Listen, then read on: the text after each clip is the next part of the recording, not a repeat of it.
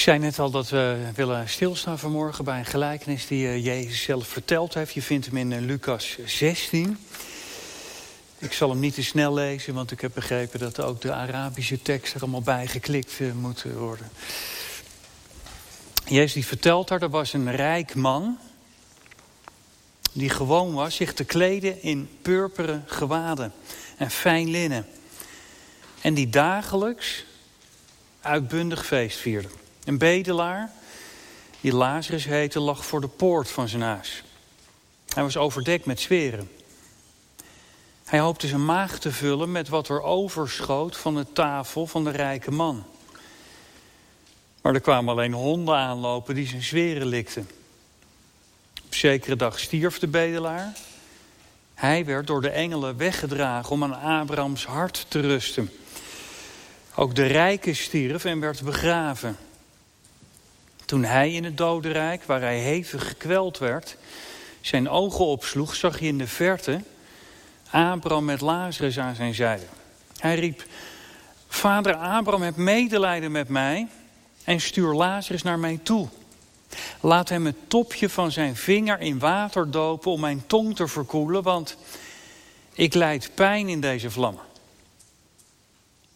Maar Abraham zei, kind, bedenk wel dat jij het deel van het goede al tijdens je leven hebt ontvangen, terwijl Lazarus niets dan ongeluk heeft gekend.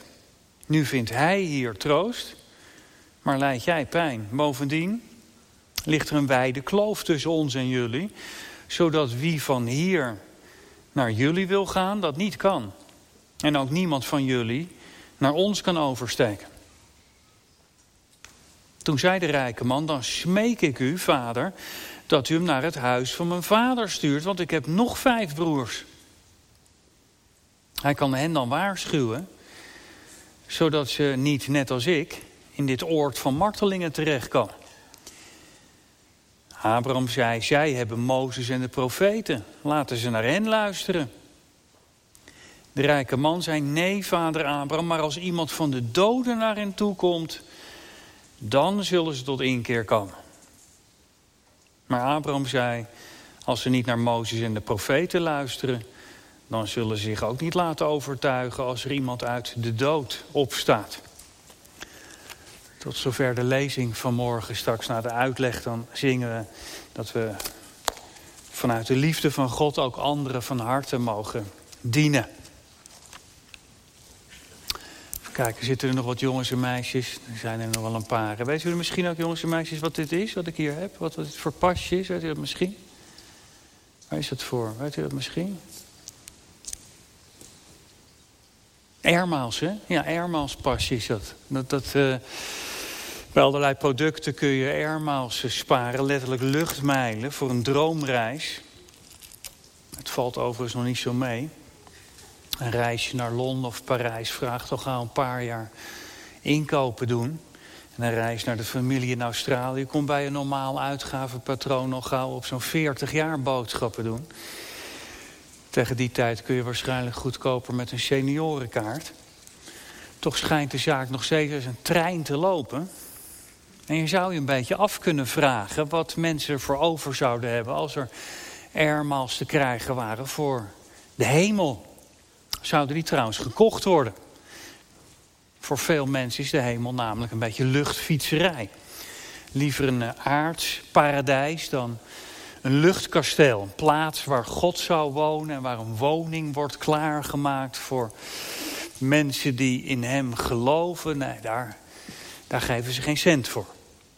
En toch zegt de Bijbel dat die plek er is. Jezus zelf heeft het er heel vaak over in ieder geval. Bijvoorbeeld in die gelijkenis van die arme Lazarus en die rijke man. Een hele actuele gelijkenis. Een rijke en een arme. Actueel, want ook nu nog sterven er elke minuut mannen en vrouwen van de honger. Alleen daarom is deze gelijkenis die Jezus heeft verteld al ontzettend actueel. Lazarus was arm, zoals er miljoenen in deze wereld creperen van armoede, onrecht, honger, dreiging.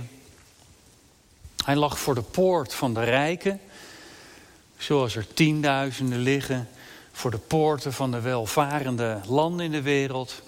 met boten, vrachtwagens en lopend zijn ze gekomen. En er gaat geen journaal of nieuwsoverzicht voorbij zonder dat er over bericht wordt. Nou, als kruispunt kreeg je hier ook er weer heel direct en concreet mee te maken. Een bericht, er komen tientallen gasten, vluchtelingen, kunnen jullie helpen? En dat kon. Mensen op de vlucht, hulpeloos, zomaar op je stoep. Heel concreet. Nou, zo is het bij Lazarus ook. Hulpeloos op de stoep van de rijke man. En als er niet bij stond, zou ik niet geloven. Maar het is echt waar. Die man die heette ook nog Lazarus. En dat zegt jou en mij misschien niks. Maar dat betekent in zijn taal God helpt. Nou, dat is toch wel het toppunt. Je heet God helpt. En je bent er zo aan toe. Zo'n leven hebben, arm en ziek. Zo zonder zin je leven leven. God helpt. De tegenstelling is daar ook aanwezig in het verhaal dat Jezus vertelt. Zoals wij nu elke dag op onze schermen en schermpjes zien hoe groot de tegenstelling is. Zo zag Lazarus de rijkdom van de man bij de poort waar hij zat. Hij zag ze vaak komen op hun draagstoelen. Want Jezus die vertelt, je hoorde net eh, dat die rijke man elke dag, let op, elke dag schitterende feesten hield. Dat zag je dus elke dag. Dan kwamen daar die rijke jongens weer met die, op die draagstoelen of op dure rijdieren. En dat zag je daar allemaal voor zijn ogen zich afspelen. Je zou zeggen, ja, waarom ging die man er dan liggen? Dan had hij niet beter op een andere plaats kunnen hè, uitzoeken... waar hij niet dag in dag uit geconfronteerd werd met zijn eigen armoede... en de rijkdom van die ander. Nou, weet je, hij ging er helemaal niet liggen. Als je even let op de werkwoordsvorm in het verhaal... hij werd daar neergelegd. Zijn kennissen, die hem kennelijk zelf ook niet aan een maaltijd konden helpen... die legden hem daar neer vertaling van het MBV is eigenlijk nog een beetje te vriendelijk. Die zegt dat hij daar lag, maar het woord dat in de grondtekst gebruikt wordt... dat betekent letterlijk neergooien. Zal hem er gewoon neergekwakt. En dat was dan nog een daad van barmhartigheid, want zo kon hij tenminste nog aan wat eten komen. Dat ging namelijk zo, aan de Oosterse maaltijden, er wordt brood gebruikt, zoals bij ons een servetje ze eten in het oosten veel meer met de handen. En dan dopen ze dat eh, voedsel in die schaal met sauzen. De handen die, die worden vet. Ze eten ook wel van het brood. Maar ze vegen vooral met het brood de handen af. En dat gooien ze dan onder de tafel. En als dan het diner afgelopen is. Dan komen de bedienden. Die vegen al die uh, rommel met, met stof en vuil uh, op één hoop. En dan was er altijd wel iemand zo barmhartig om dat hele zaakje bij Lazarus neer te gooien. Er staat, hij hoopte zijn maag te vullen met wat overschoot van de tafel van de rijke man. Lees wat geworpen werd door de gasten die daar hun handen aan hadden afgevecht. Nou komt er aan alles een eind. Zelfs aan elke dag feest. En zo kwam er ook een eind aan het leven van die rijke man. En ook aan het leven van Lazarus. De rijke wordt begraven, staat er. Nou, die begrafenis zal natuurlijk wat geweest zijn. Hè? Dat is allemaal pracht en praal geweest. En een grafredenaar natuurlijk. Iemand die alleen maar goeds over die overledene zegt. En over Lazarus begrafenis hoor je niks. Nou ja, dat begrijp je ook wel. Die, die, die man die is helemaal niet begraven. Lazarus die werd op, op de vuilnisbelt gegooid. Nou, tot zover lopen de lijnen door, rijk en arm. Maar dan uh, verandert het ineens. Er staat namelijk toen de rijke zijn ogen opsloeg in het dodenrijk, had hij pijn. En toen Lazarus zijn ogen opsloeg, zag hij dat hij door de engelen naar de hemel was gedragen. Ziezo, zeg je, eindelijk gerechtigheid. Ja, wacht even, dit is een gelijkenis hier, hè, Jezus vertelt. Daarin gaat het altijd om, om de spits, om een punt dat Jezus duidelijk wil maken. Het gaat altijd om de kern, de spits. Er zijn nogal wat mensen die zeggen dat het in die gelijkenis gaat om de tegenstelling tussen rijkdom en armoede als zodanig. die rijke man was fout, omdat hij rijk was. En die arme Lazarus die was goed, omdat hij arm was. Wat doen we aan de arme Lazarussen, die met miljoenen wegsterven? En toch is dat niet meteen het echte speerpunt van die gelijkenis. Die tegenstelling is in ieder geval door Jezus zo niet bedoeld. En die rijke die was niet fout, want die rijke was zonder meer. En die arme Lazarus was niet goed omdat hij arm was, zonder meer. Kijk alleen maar naar dat Lazarus na zijn dood gedragen wordt in de schoot aan het hart van Abraham in de hemel. Van Abraham weten we dat hij in zijn dagen schat hemeltje rijk was. Die Abraham was een herdersvorst met een geweldige rijkdom aan vee. En toch kwam Lazarus in de heerlijkheid als eerste Abraham tegen. Dus Abraham was met zijn rijkdom een kind van God. Dus, dus dat is het niet. Weet je waar het om gaat? Maar dat is eigenlijk als je, dat, als je kijkt hoe dat verhaal verder gaat. Want die rijke man die ziet in dat verhaal Lazarus naast Abraham aan tafel aanliggen. Er staat aan Abrahams hart. Hè? De mensen lagen op matrassen rond de tafel, steunen op de linkerarm. En met rechts kunnen ze dan zo alles pakken. Abraham lag hier en direct daarnaast lag Lazarus aan zijn borst. En die rijke man, die ziet, die, die, die ziet Lazarus liggen aan Abrahams borst, terwijl die zelf dorst heeft. En hij vraagt om hulp. Laat, laat, laat Lazarus wat, wat water brengen, een paar druppels maar om een tong te verkoelen. En dan staat er iets waar het eigenlijk om gaat. Er staat dan nee, niet omdat wij dat hier niet willen, maar omdat het niet kan. Er is, zegt Abraham, een kloof tussen jullie en ons. En jullie kunnen van jullie kant niet hier komen. Wij kunnen van onze kant niet bij jullie komen. Nou, dat is natuurlijk een ontzettend belangrijk iets voor jou en mijn leven. De, de kern van wat Jezus hier zegt, namelijk... wij leven kennelijk toe naar een, naar een beslissing, vertelt Jezus. Naar een eindbeslissing. Wij leven toe naar daar zitten we nog niet in, gelukkig. Gelukkig, dat is, dat is ook heel prachtig van zo'n dienst is vandaag. Daar zitten we nog niet in. Maar zeg Jezus, daar leven we wel naartoe. Naar iets onherroepelijks. Als je nou niks meer te horen zou krijgen, dan zou je gewoon eh, in paniek kunnen raken. Maar we krijgen meer te horen. Want die rijke die vraagt dan aan Abraham. Ja, als het dan niet kan, eh, laat Lazarus dan naar het huis van mijn vader gaan. Want ik heb nog vijf broers. Dat zij hier ook niet komen. Nou, dat, dat, valt me erg mee van die rijke man. Vind je niet? Ja, dat, dat had ik niet van hem gedacht. Die man die had zijn hele leven alleen maar voor zichzelf geleefd. En nou denkt hij aan zijn broers. Dat vind ik mooi van hem.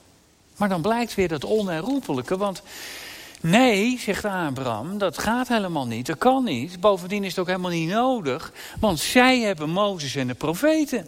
Mozes en de profeten, het Oude Testament. De, de Bijbel, zeg maar. Ja, zegt die rijke man, dat is wel waar, maar daar lezen ze niet in. Dat nemen ze niet serieus, dat betekent niks voor ze. Dat speelt helemaal geen rol in hun leven. Maar als er nou iemand een keertje uit, uit de doden terugkomt naar hen, dan zullen ze tot inkeer komen. Dan zullen ze geloven. Nee, zegt Abraham. Nee, al zou er iemand uit de dood opstaan en naar hen toe gaan, als je zo niet in Mozes en de profeten gelooft, dan zul je dat ook niet doen als er iemand uit de doden opstaat. Want ja, dat denken wij allemaal. Kun je bewijzen dat God bestaat? Dat, vragen mensen vaak aan me. Dat zullen ze aan jou ook wel vragen. Kun je, kun je bewijzen dat God bestaat? En dat vragen ze mij. Nee, dat kan ik niet. Dat kan ik niet. En je denkt, als ik nou maar eens een wonder kon doen. Hè? Oh, als ik eens wat kon laten zien aan de mensen. Dan zou je wat beleven. Nee, zegt Abraham, dan zou je helemaal niks beleven. Al zou er iemand uit de doden opstaan, dan zouden ze nog niet geloven. En toch lijkt me dat sterk, hè? Toch lijkt me dat sterk. Stel je voor, vanavond er wordt bij je aangebeld. Staat ineens een neef van je voor de deur die tien jaar geleden overleden is. Nou, dan ben je toch wel eventjes ondersteboven. Gesprek van de dag, wat zeg ik? Stof voor de Telegraaf en Albert Verlinde. Ongelooflijk, daar, komen honderden mensen op af. En hoe was het in de hemel? En, en bestaat God? Ja, God bestaat. Als zoiets zou gebeuren, dan zouden ze toch... Nee, nee, zegt Abraham. Dat doen ze niet. Nee, weet je wat er zou gebeuren? Ze zouden die neef opsluiten in een inrichting, ja. Ik moest laatst ergens spreken en ik was een beetje laat en er was geen parkeerplaats meer. Wat was het dan even makkelijk geweest als je... Het was toch in dienst van het evangelie. Als je had gezegd, uh, hup, 25 parkeerplaatsen erbij. Het gaat om de verkondiging van het evangelie. Even een vingerknipje en...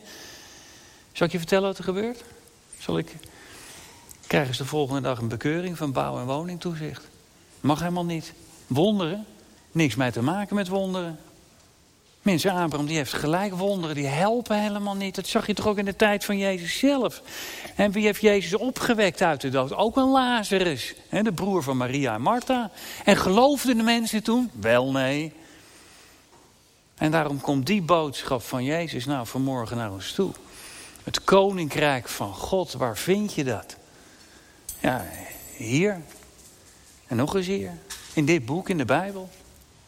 Het is niet waar dat als er nou eenmaal wonderen zouden gebeuren, dan zouden we allemaal gaan geloven. Nee, wie dat woord van God gaat lezen, wie naar Mozes en de profeten gaat luisteren, die leert God, die leert Jezus kennen, die is een kind van God, die krijgt een relatie met de hemelse Vader, die krijgt een hemel op aarde en een hemel in het zicht. Die wordt aan het eind van zijn aardse leven ook door engelen gedragen aan Abrahams hart. Ja, en dat is een plek. Een plek waarvan de Bijbel vooral zegt hoe het niet is. Daar is geen honger. Geen dorst, geen pijn, geen lijden, geen tranen, geen onrecht meer, geen aanslagen, geen vluchtelingen, geen dictators. Want ieder is daar thuis met bed, bad en brood en nog heel veel meer. En wie door de Bijbel Jezus Christus leert kennen, die heeft een eeuwige, heerlijke toekomst. Zeg, wie is er in die gelijkenis nou eigenlijk arm en wie is, wie is daar rijk? Kijk, weet je wat het probleem van die rijke man was? Dat hij Mozes en de profeet in huis had. Het was een Jood. Mozes en de profeet had hij in huis. En met de Bijbel in huis kon er één aan zijn deur liggen creperen. Het woord dat had hem niks gedaan. Het woord dat had hem niks gedaan. Geloof is niet alleen mooie liedjes zingen en fijne bijbelstudieavonden. Maar Jacobus die zegt het al. Geloof zonder handjes, dat is niks. Wie leeft van Gods liefde, wordt gevraagd die liefde ook om te zetten in daden. Micha die zei het al, dit, dit is wat ik van je vraag. Dit is goed, recht doen, trouw zijn en nederig te wandelen met je God. En Lazarus dan? Lazarus? Lazarus is een man geweest die zich toevertrouwde aan God. Dat kwam hierin uit dat hij ondanks zijn ellendige toestand toch bleef geloven in God. Toch bleef geloven in zijn eigen naam. God helpt.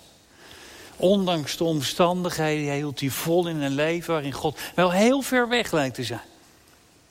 En daarom wat beslissend is in ons leven, is de verhouding tot Mozes en de profeten. Want al was Lazarus begraven in de ellende, in alle vragen en duisternis en tegen beter weten in en dwars tegen de omstandigheden in, hield hij zich vast aan de belofte dat God hem niet zou verlaten en hem niet zou vergeten. Hij kende niet alleen Mozes en de profeten, maar hij kende ook de God van de Bijbel. En dat is geen God die je laat stikken, maar dat is een God die heeft gezegd, ik heb voor jou gebeden dat je geloof niet op zou houden. Een God die ons kwam dienen. Een God die je niet laat zitten, ook op die momenten dat je lag, laat mij maar. Dag God, dat God dat toen niet zei. Nou, met die God kun je leven en met die God kun je ook eens sterven. Want Lazarus, die eerst geen huis had, die heeft er nou wel een.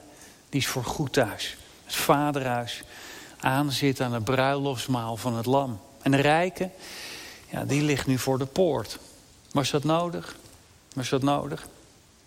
Weet je wat God zegt? Ik verlang ernaar dat mensen zich omkeren en leven en op weg gaan samen naar het grote feest en thuiskomen. De Vader nodigt ieder mens uit voor zijn feest. Hoor je dat? Daar heeft God plezier in. Daar is hij op uit. Mijn huis moet vol worden. Dat je je Bijbel pakt, jij jongen en meisje, erin leest en praat met de God van je leven. De Bijbel waarin je leest dat ieder die met vallen en opstaan en met alle vragen en, weet ik veel, met een geloof misschien als een mosterdzaadje, maar dwars tegen alles in, het toch bij God zoekt, dat je dan mag leven met God en dat je na dit leven op zal worden genomen in die heerlijkheid die geen oog heeft gezien, geen oor heeft gehoord en in geen mensenhart is opgenomen. Ken je de Bijbel? Lees je hem? Voor jezelf? Leef je eruit? dat je door die Bijbel Jezus leert kennen. En als je hem kent, dat je dat ook verder vertelt, desnoods met woorden. Heeft je geloof al handjes, dat redding, toekomst en hoop bij Jezus is. Taak als gemeente hier in Vathorst, Amersfoort en omgeving. Want dat is het beste nieuws dat er is en dat we mogen brengen. Bevrijding, verlossing bij deze God te vinden. We groeien toe naar een beslissing. Daar zijn we nog niet. Nu is het tijd van welkom. Nu kun je bidden en ik zal je verhoren. Nu kun je zoeken en je zult vinden. Nu mag je roepen en ik zal je antwoorden. Nu is het tijd om die liefde die je hebt ontvangen uit te delen aan iedereen om je heen. Om de ander te dienen vanuit mijn liefde. En Paulus zegt, en ik mag het vanmorgen als dienaar van Jezus tegen jou zeggen. Ik bid je van Christus wegen. Laat je met deze God verzoenen. Want Hij, Jezus, verlangt ernaar om ieder mens bij zich te hebben. Nu en voorgoed. Ja, als de rijke man dat geweten had, had hij vast en zeker bij zijn leven ermaals voor de hemel gekocht. Hij had van zijn rijkdom makkelijk kunnen doen. Alleen, er zijn geen ermaals naar de hemel. De hemel is niet voor mensen die gekocht hebben, maar voor mensen die gekocht zijn. Gekocht en betaald. De hemel is niet voor mensen die gespaard hebben, maar gespaard werden. Zij stijgen op naar de hemel, die geloven dat er één is die voor hen afdaalde. En die kwam om ons te dienen, zodat wij anderen om ons heen zouden dienen. Hij gaf zijn leven als losprijs voor velen, gekocht en betaald door hem. Als zijn eigendom reizen we veilig, goeddoend, trouw zijnd over deze aarde en op Gods tijd ook naar de hemel. Zullen we daarvoor bidden? Heer Jezus, dank u wel dat u kwam om ons te dienen. Dat u uw eigen leven heeft gegeven, zodat er voor ons redding, bevrijding, zodat er voor ons toekomst is. En u heeft niets liever dan dat ieder mens zijn of haar leven in uw handen legt. Zodat we mogen weten dat we er niet alleen voor staan. En zodat we mogen weten dat niets ons ooit nog zal kunnen scheiden van uw liefde. Dat we uitzicht hebben op de heerlijkheid straks bij u. Heer, als we uw liefde kennen, laat het ook mogen uitdelen. Dat ons geloof ook handjes heeft. Dat we mogen ervaren hoe goed het is. Dat we de zegen die we hebben ontvangen, zegenend mogen doorgeven aan de mensen om ons heen. Wilt u zijn bij ieder van ons. Vader, Zoon en Heilige Geest. Wij prijzen uw naam. Halleluja. Amen.